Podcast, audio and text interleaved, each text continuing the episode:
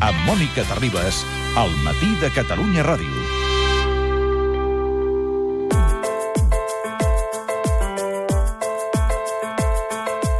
I un dimecres cada 15 dies tenim la sort de tenir al matí de Catalunya Ràdio l'informe de Xavier Sala i Martín. Professor, bon dia. Hola, molt bon dia. Fa 15 dies parlàvem del seu llibre l'hora dels adeus, que s'acabava de presentar, i ahir vam veure fotografies publicades de Pep Guardiola llegint-lo. Ara és el moment, perquè ara tothom s'està plantejant que han de votar en aquesta consulta del 9-N, i per tant el llibre sembla que ser un instrument de reflexió. Per tant, sembla que funciona, senyor Sala i Martín. Bueno, és, és un llibre que va bé per anar quan vas de viatge a Moscou per jugar un partit de futbol. és un llibre entretingut. I, i el tot que tot s'ha de dir és que el Pep Guardiola és una persona reflexiva, que li agrada informar-se, no, diguem, molt, molta gent del món de l'esport que no, que no li interessen aquests temes ni que llegeix llibres, i el Pep no és un d'ells, el Pep té un, un interès eh, intel·lectual per tots els temes i li agrada informar-se i, i m'agrada que, que utilitzi el meu llibre per, per formar-se una opinió sobre aquest tema. Però avui li demanem, senyor Sala i Martín, un informe al voltant dels nous pressupostos que ha presentat el ministre d'Hisenda, Cristóbal Montoro, que ja els ha lliurat als comptes generals de l'Estat el president del Congrés, Jesús Posada, i com, com diuen a vegades, el nom no fa la cosa, però la portaveu de l'executiu, Soraya Sáenz de Santa Maria, que últimament està molt activa, com vostè sap, els va presentar divendres i els va batejar així. Podemos decir que si los presupuestos del 2015 fueron y están siendo los presupuestos de la recuperación, los presupuestos del 2015 están llamados a ser los presupuestos de la consolidación de la recuperación y del empleo. Però clar, això com es tradueix a Catalunya, què significa? Jo tinc la sensació, amb aquesta conversa que mantindrem ara, professor, d'estar en la conversa en paral·lel que vam tenir fa un any, perquè la inversió que farà l'Estat a Catalunya aquesta vegada és de 1.072 milions, un 9,5% eh, del total d'inversió, que en relació a, al conjunt que dedica a les comunitats autònomes, a la mitjana estan al 15 i l'increment a Catalunya és del 13,5. Per tant, no sembla que hagin fet un gest per millorar les relacions econòmiques amb Catalunya, no? No, de cap manera. A veure, eh, per entendre'ns, eh, i deixant de banda el fet de que l'Estatut diu que durant set anys després de l'aprovació de l'Estatut ells eh, haurien d'invertir més o menys la proporció del PIB, és a dir, haurien d'invertir el 18,4% de, del que inverteixen, sigui el que sigui, el 18,4% hauria de venir a Catalunya, ells van dir que això era inconstitucional, que ells feien el que els donava la gana, i per tant, malgrat que l'Estatut estava aprovat, ells s'ho salten i s'ho segueixen saltant a la torera. Mal, de, de banda d'això, a banda d'això, eh, pensem, pensem en la eficiència econòmica i en la justícia econòmica. És a dir, eh, infraestructures, pensem en carreteres. Mm. Eh? Pensem en carreteres. Eh, les carreteres es fan perquè o bé els ciutadans que, diguem, les famílies que van de vacances o van a gaudir del parc, doncs les puguin fer servir amb els seus cotxes, o perquè els negocis, no, els camions, eh, ho facin servir. Eh?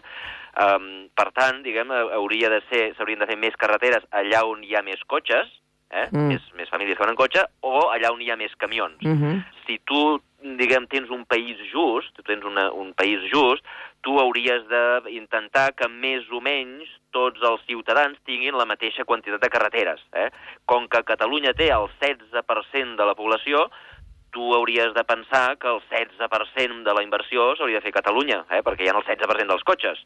En aquesta no lògica hi ha eh, en els pressupostos una inversió a Galícia al 12,3 i, en canvi, aquesta a Catalunya del 9,5, no? Exacte, exacte. Però espera, això, però la població 16%. Haurien d'invertir 16,9% a Catalunya. Si tu mires la quantitat de cotxes, de, de camions, perquè dius, no, no només és la gent que va en famílies que va cotxes, els negocis també necessiten. Llavors, clar, allà on hi ha més activitat econòmica, hi ha més camions, per entendre'ns, no? Mm. I aleshores, perquè no hi hagi col·lapses a les zones de més activitat econòmica, hauries d'invertir més o menys proporcional al PIB eh, que seria proporcional als camions. Eh?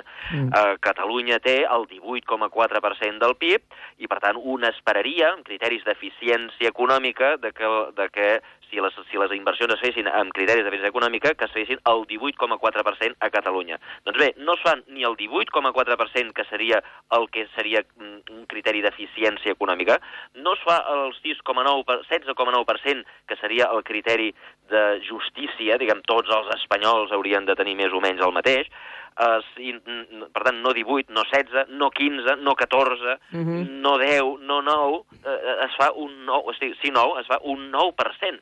És a dir, una brutalitat, una brutalitat de, de, de baixa eh, en comparació al que seria racional, insisteixo, no ja des del punt de vista de l'Estatut, que el seu Tribunal Constitucional diu que és inconstitucional, sinó des del punt de vista de la lògica econòmica.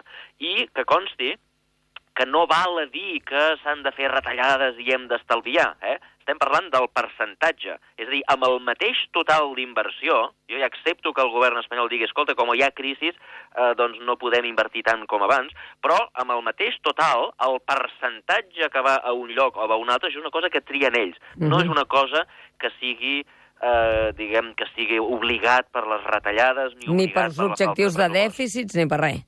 Res, res. Ells, ells, di, ells diuen, gastem 1.000, d'aquests 1.000, eh, eh, 95 van a Catalunya i, per tant, eh, callar tothom.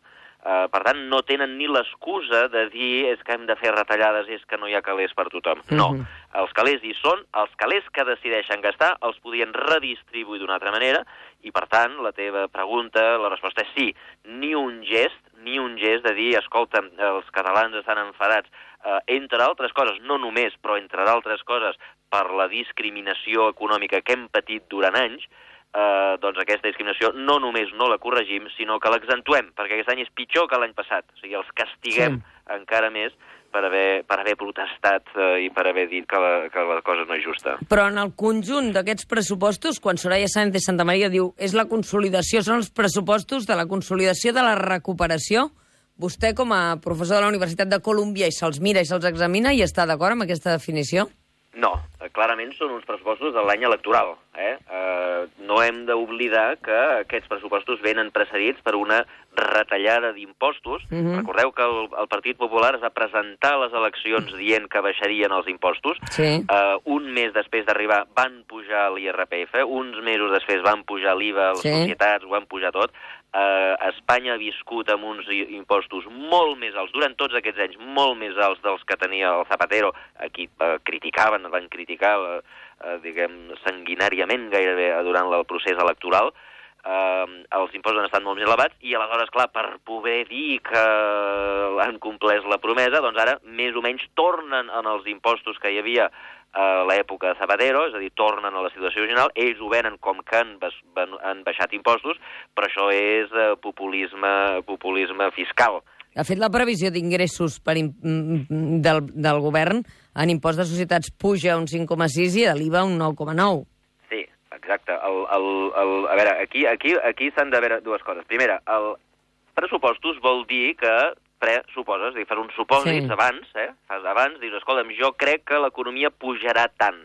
Uh, perquè, clar, tu no tens ni idea de quan recaptaràs, no? Tu uh -huh. has de dir, jo penso que recaptaré tant, amb què et bases per dir que recaptaràs tant? Doncs bé, ells es basen en una idea de que Espanya creixerà un 2% uh -huh. l'any 2015. Uh, òbviament, si Espanya realment acaba creixent un 2%, doncs el que passarà és que eh, els impostos seran més elevats, com que hi haurà més activitat econòmica, hi haurà més valor afegit, per tant, més impost sobre el valor afegit, més recaptació, hi haurà més rendes, per tant, més impost sobre la renda, hi haurà més beneficis de les empreses, per tant, més eh, impostos, de, més recaptació de l'impost de societats, eh, i eh, la pregunta és si realment és raonable pensar que Espanya creixerà un 2%. Mm. Uh, I aquí és on uh, és perillós, eh? perquè tots sabeu que, malgrat que a Espanya hi ha un optimisme desbordant sobre les perspectives econòmiques, Espanya està dins d'Europa i, I França, i Europa Alemanya i Itàlia parlant... estan maturades, no? Exacte. Europa estan parlant de recaiguda per tercera vegada, tercera recaiguda de la crisi econòmica, per tant, no només no van endavant, sinó que van enrere els clients principals d'Europa estan o bé estancats o bé estan anant cap enrere, estan en, reentrant en recessió, i per tant és molt possible que totes aquestes prediccions o previsions de com pujaran els ingressos doncs no s'acabin donant. Per tant, més que, més que diguem, els pressupostos de la reconsolidació, de la recuperació, que diu la Soraya, jo crec que són uns pressupostos electorals, eh, que diuen, com que ingressarem tant, doncs ara podem gastar molt més, eh, mm. però, no, però bàsicament jo crec que no, no es compliran aquests pressupostos perquè el creixement econòmic no, vaja, no sabem quin serà, eh, però la situació econòmica europea indica que eh, potser és una mica massa optimista creure que creixerà a Espanya un, un 2%. I és més, no només un 2%, sinó que es crearan gairebé un milió sí, de llocs de treball sí, sí. entre aquest any i l'any que ve. Eh? És, per això, és per això que confien que el capítol de despeses es reduirà un 3,2, justament perquè pensen que hauran de pagar menys subsidis i, i, i per tant, aquí d'aquí vindrà la reducció de la despesa, no? Una part de la reducció de despesa vindrà per aquí, una altra part de la reducció de la despesa, una cosa que és interessant de veure és que la partida principal, la partida principal eh, en aquests moments eh, són els interessos. Uh -huh. 35.000 milions d'euros d'interessos, que es diu ràpid, eh? Són 100 milions al dia.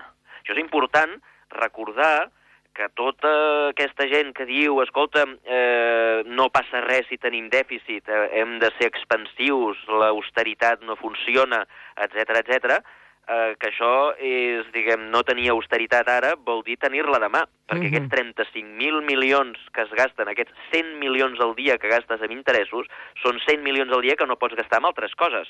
Eh? Eh, perquè, perquè eh, ens fem una idea, eh, el govern eh, ha creat un plan de lluita contra l'atur juvenil, per exemple, no? eh, que ha dotat de 470 milions.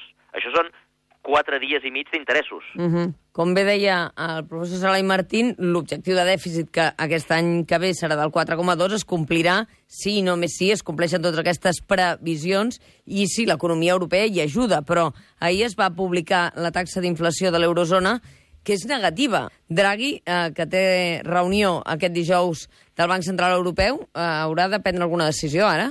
Bé, jo crec que Draghi diguem, ja ens ha dit el seu plan, eh, i a més el vam discutir sí, aquí sí. fa unes setmanes, el seu plan és, diguem, de fer tres tipus de coses, ell només en pot afectar una, ell recomana que els governs facin les altres dues, que és més expansió fiscal a curt termini mm, i més reducció fiscal a llarg termini, ell recomana reformes estructurals per augmentar la productivitat, i llavors ell es va comprometre a augmentar la quantitat de diners que estan en circulació a base de donar crèdits als bancs perquè els donin a les empreses ell va fer, va, va, va començar a fer això fa un parell de setmanes i va ser un fracàs monumental. Mm -hmm.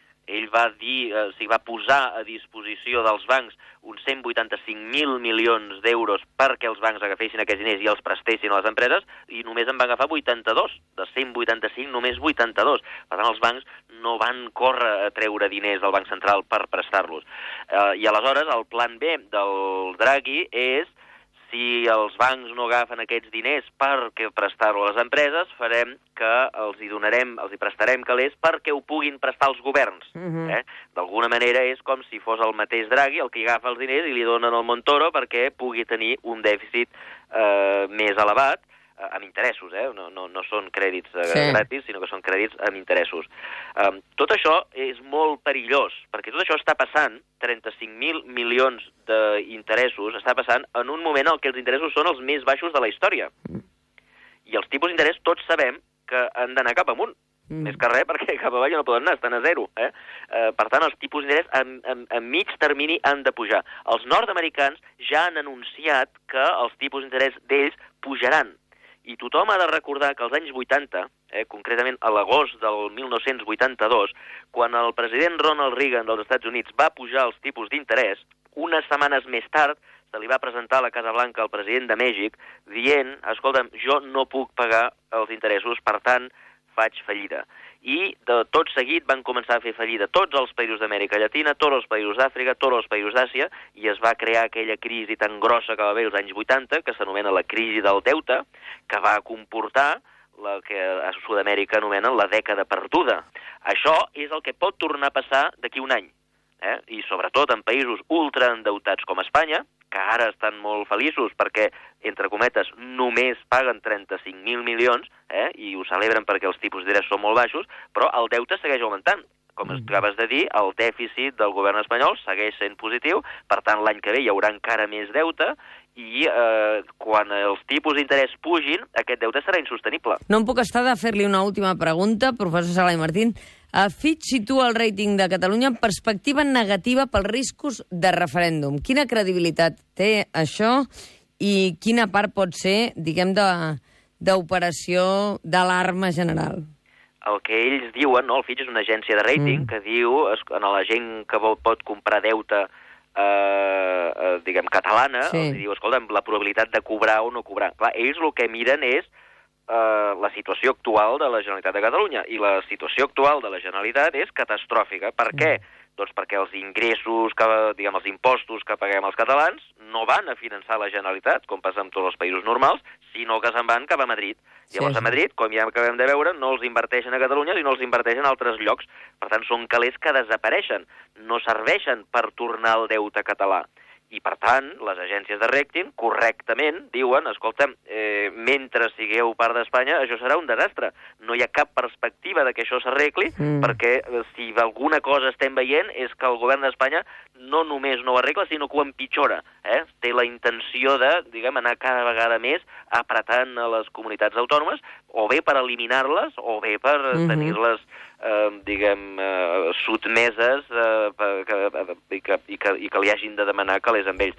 Per tant, jo crec que és correcte. La Generalitat de Catalunya, amb aquest sistema que tenim, és inviable. Uh, una altra cosa seria quin seria el rating en cas de que fóssim independents. Professor Salai Martín, moltes gràcies per aquest uh, últim aclariment que ahir, quan ho vam conèixer, vam pensar demà, quan parlem amb ell, li preguntarem. Moltes gràcies, que tingui un bon dia. Moltes gràcies a vosaltres i bon dia.